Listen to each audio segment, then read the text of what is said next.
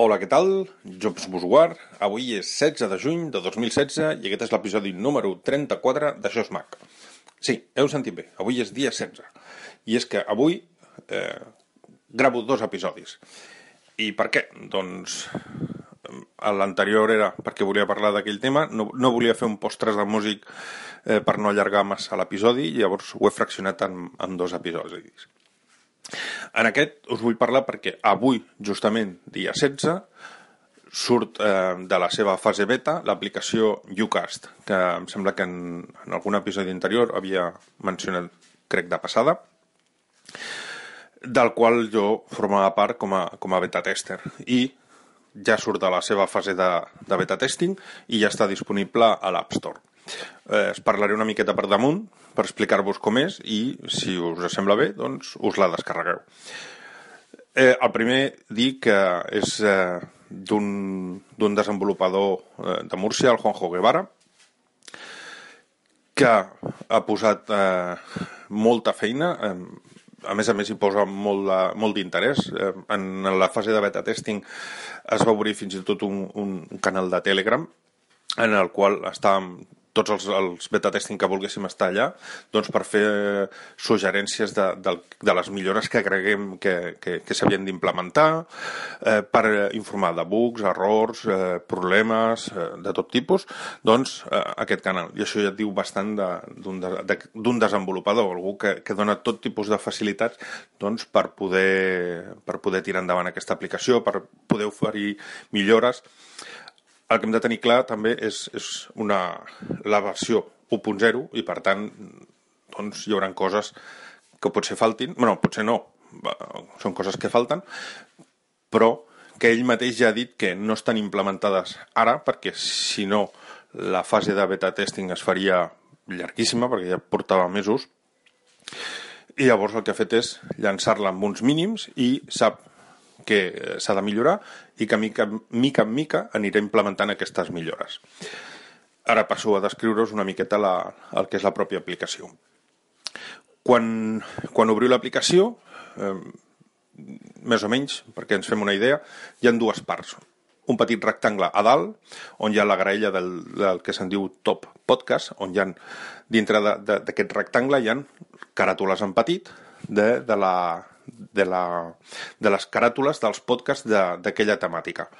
Mm, quan obrim en aquest rectangle és Top Podcast i llavors, doncs, cada vegada quan, quan obrim, doncs hi ha una, una... a veure si em surt el nom una temàtica diferent. Doncs, per exemple, obrim i surt Top Podcast de tecnologia. A vegades és eh, el, el, història.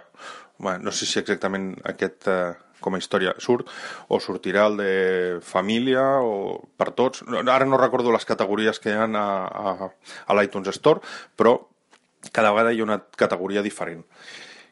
Si volem buscar el top podcast de, de les categories, de les altres categories, l'únic que hem de fer és lliscar amb el, drit, amb el dit de dreta a esquerra o d'esquerra a dreta per anar tirant endavant o endarrere i un cop estiguem en aquell, en aquell eh, en aquella temàtica que ens interessa, eh, li fem el tap o el clic, com li vulgueu dir, i accedirem en aquell top de, de totes d'aquella temàtica i llavors allà podrem descarregar els episodis que, que considerem oportuns. Llavors, quan obrim aquesta aplicació tenim aquest rectangle a dalt del top podcast i a baix el que seria la graella amb les caràtules. En el moment que obrim per primera vegada no hi ha, no hi ha caràtules, però en aquella segona part hi haurà les caràtules dels podcasts als que ens subscrivim.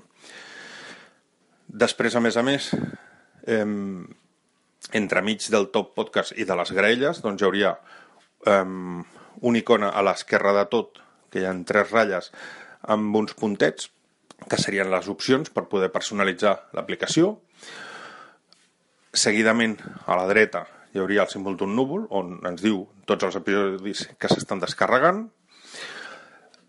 Llavors, a l'altra banda, a la dreta, en primer lloc, una fletxa amunt i una avall, per, per dir si volem que ens eh, ordeni alfabèticament cap amunt o cap avall les caràtules dels podcasts, i una, una altra icona que són uns rectangles, que el que fa és posar la graella de, 3x3 o 4x4. per poder fer per poder mm, posar-ho visualment com, com ens sembli millor. Un cop entrem a les, a les opcions, podem decidir si volem que tot es descarregui, si tot en streaming, eh, si volem el, el, el, tema de l'aplicació, si el volem en, en clau o en fosc.